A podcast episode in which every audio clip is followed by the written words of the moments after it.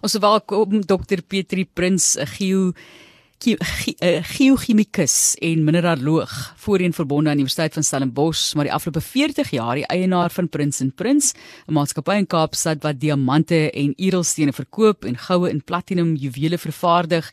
Dr Prins, heel eerste net, wat was jou gedagtes toe jy nou hoor van hierdie sogenaamde stormloop van diamante voordat ons nog geweet het dis eintlik kwarts? Uh, hallo Martelies en goeiemiddag luisteraars. Uh, ja, weet ek was nie verbaas oor die die stormloop nie. Jy weet gegee die haglike toestand waarin ons mense hulle dag bevind en as daar enige sprankie van hoop is sal mense storm daarna. Uh wat my eintlik teleurstel is dat, dat ons mineraaldepartemente in ons staat so lank gevat het om dit as kwarts te identifiseer. Want jy weet, ehm um, selfs die eerste jaar student in geologie sal dadelik weer van sê dit kwart of dit was dit 'n diamant. Uh in ons uh, beheer mense wat beheer oor ons uh, edelstene het word lankal die mense uit hulle illusie te gehelp het, jy weet. Ja. So ek loop nou langs 'n pragtige rivier, ek sien iets blink, ek tel hom op. Ek laat dit waardeer, dis 'n ja. diamant, kan ek dit maar hou? Ja, dis 'n vraag wat baie mense vra. Maar ons het ongelukkig 'n uh, klomp wette in hierdie land wat dit nie so maklik maak nie. Ons het eerstens eh, 'n uh, mineraalwet van 1995 uh wat sê dat alle skatte onder die aarde en onder die water aan die staat behoort. Uh en ons het ook diamant en goudwette wat sê dat selfs dit wat bo op die oppervlakte lê, behoort aan die staat. En jy mag nie byvoorbeeld 'n diamant optel of dink as 'n diamant en om gaan probeer verkoop as 'n diamant nie. As jy dan 'n diamant optel, moet jy dan die polisiekantoor toe neem en hulle sal dit vir jou as 'n bewys gee dat jy iets vir hulle gelos het. Hulle sal dit laat wegstuur en identifiseer. En die staat sal dit verkoop en vir jou omtrent 'n derde van die waarde gee as jy hom nou opgetel het. Maar jy weet baie van hierdie smokkelary wat ons altyd van praat, die diamant smokkelaars of die perlemoen smokkelaars, hulle uh is word natuurlik uh, uh smokkelaars genoem omdat hulle gesteelde goed uh hanteer en probeer verkoop die die die wette van ons land sê dat uh, geen mens mag 'n uh, 'n diamant of 'n uh, nuwe diamant of 'n ruwe stuk goud in sy hande hou sonder 'n permit nie. En as 'n mens dus 'n diamant wil myn of soek vir hom, moet jy 'n permit van die regering kry. Goed, so jy wil nou aansoek doen vir daai regte. Hoe werk dit? Of is dit nou 'n lang administratiewe beslommernis? Ja, dit is dit is die probleem hier. Ons uh, on, ongekunstelde publiek, hulle dink hulle kan enige ding optel en dit is alles en jy weet en dit is maar die predikament wat die staat ook het met so 'n stormloop, jy weet. Uh, die mense dink die staat wil die goed van hulle steel of die staat wil beheer hê en dit is presies wat die staat wil hê. Die staat wil beheer hê oor diamante sodat as jy uh, byvoorbeeld 'n uh, boer is en jy dink jy het nou 'n diamant of, of enige mineraal op jou plaas, moet jy eers aansoek doen by die regering om dit 'n konsessiegebied te verklaar, dan moet jy aansoek doen vir 'n eksplorasiepermit. Dan moet jy aansoek as jy dan nou uh, die claims afgesteek het en iets gevind het, moet jy die claims registreer. Dan moet jy weer aansoek doen vir 'n mynlisensie. En as jy nou eers 'n mynlisensie gekry het, dan moet jy aansoek doen dat jy uh, die ruwe diamante kan hanteer en kan verkoop aan 'n slyper of wielgal. So dis 'n hele proses, dit gebeur nie oornag nie. En as mense nou wel indien hierdie diamantstormloop nou wel diamante was, sou dit 'n groot chaos afgegee het. Want uh, hoe kry jy duisende mense van so 'n perseel af as hulle onwettig daar myn? Uh, ja. Dis nie onwettig om om kwarts te myn natuurlik nie, so die mense het nie 'n probleem gehad nie. Dis net dat hulle vir 3 weke lank in suspisie gehou is en, en onnodige moeite gedoen het.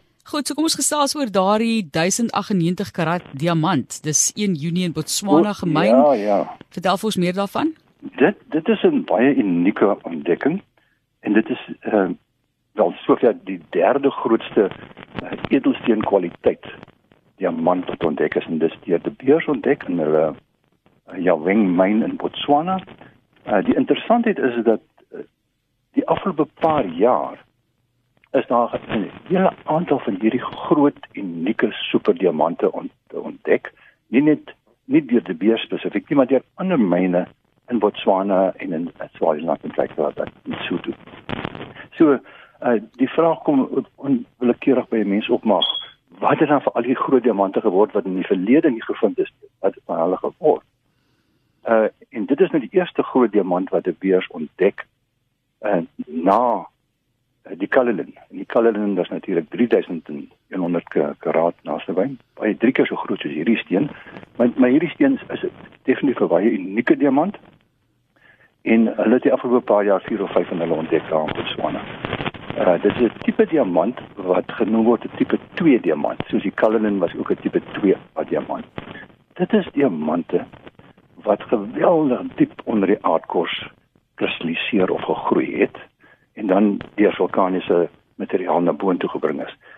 Die die meeste van ons diamante en dan was dit die normale diamante wat ons sien wat almal so geeler getint het. Hulle het baie laer en vlakker in die aardkors gekristalliseer hier by 180 km tot 200 km. Ehm uh, en alles ook deur vulkane na die boon na boontoe gebring natuurlik. Nou maar hierdie diamante wat so diep tot 600 km onder die oppervlakte uh gekristalliseer het. Hulle is hierdie groot superdiamante wat suiwer is. Uh hulle bevat geen stikstof wat vir hulle kleur kan gee nie. Maar onder daardie intense kondisies so diep onder die aardkors het kom daar geen vreemde materiaal of elemente gaan sit dit in die kristalrooster nie. Uh, so dit is baie unieke diamante en hulle is natuurlik baie gesog onder uh, onder beleggers wat nou iets baie raars wil hê natuurlik. Hoeveel is hy werd? Nee, dit weet ons nie, maar eh, die die soortgelyke een, die tweede grootste wat hulle ontdek het, se naam was die uh, die Lesidi Larona wat so 2, 3 jaar gelede ook in Botswana ontdek is in 'n ander myn natuurlik. En die steen is verkoop vir 53 miljoen dollar. Uh deur Graf wat dit opgesny het in een van die grootste vierkantige stene ooit. So mense verwag hierdie uh, nuwe steen wat die beurs ontdek het, uh gaan naasby in dieselfde kategorie maar val. Dis dieselfde tipe diamant, dieselfde grootte. Uh die beurs moet ek nie baie meer verwag. Die beurs in Botswana natuurlik wat nou die eienaars is van die diamant. Hoort nie baie meer te verwag is tussen 50 en 60 miljoen dollar nie. Wat 'n hele klomp geld is baie baie interessant daardie agtergrond en dis dokter Pieter Prins wat vir ons insig gegee het in hierdie sogenaamde diamant stormloop wat dit toe nou nie was nie en ook die groot Botswana diamant wat gemyn is 1 Junie het hom gevind en dokter Prins is 'n geo chemikus en mineraloog voorheen verbonde aan die Universiteit van Stellenbosch, maar ook die afgelope 40 jaar die eienaar van Prins en Prins en is 'n maatskappy in Kaapstad wat diamante en edelstene verkoop en goue en platinum juwele vervaardig. So baie om nog oor te gesels. Ek gaan jou pols in die toekoms verder. Baie dankie Dr. Prins. Dankie Barlies.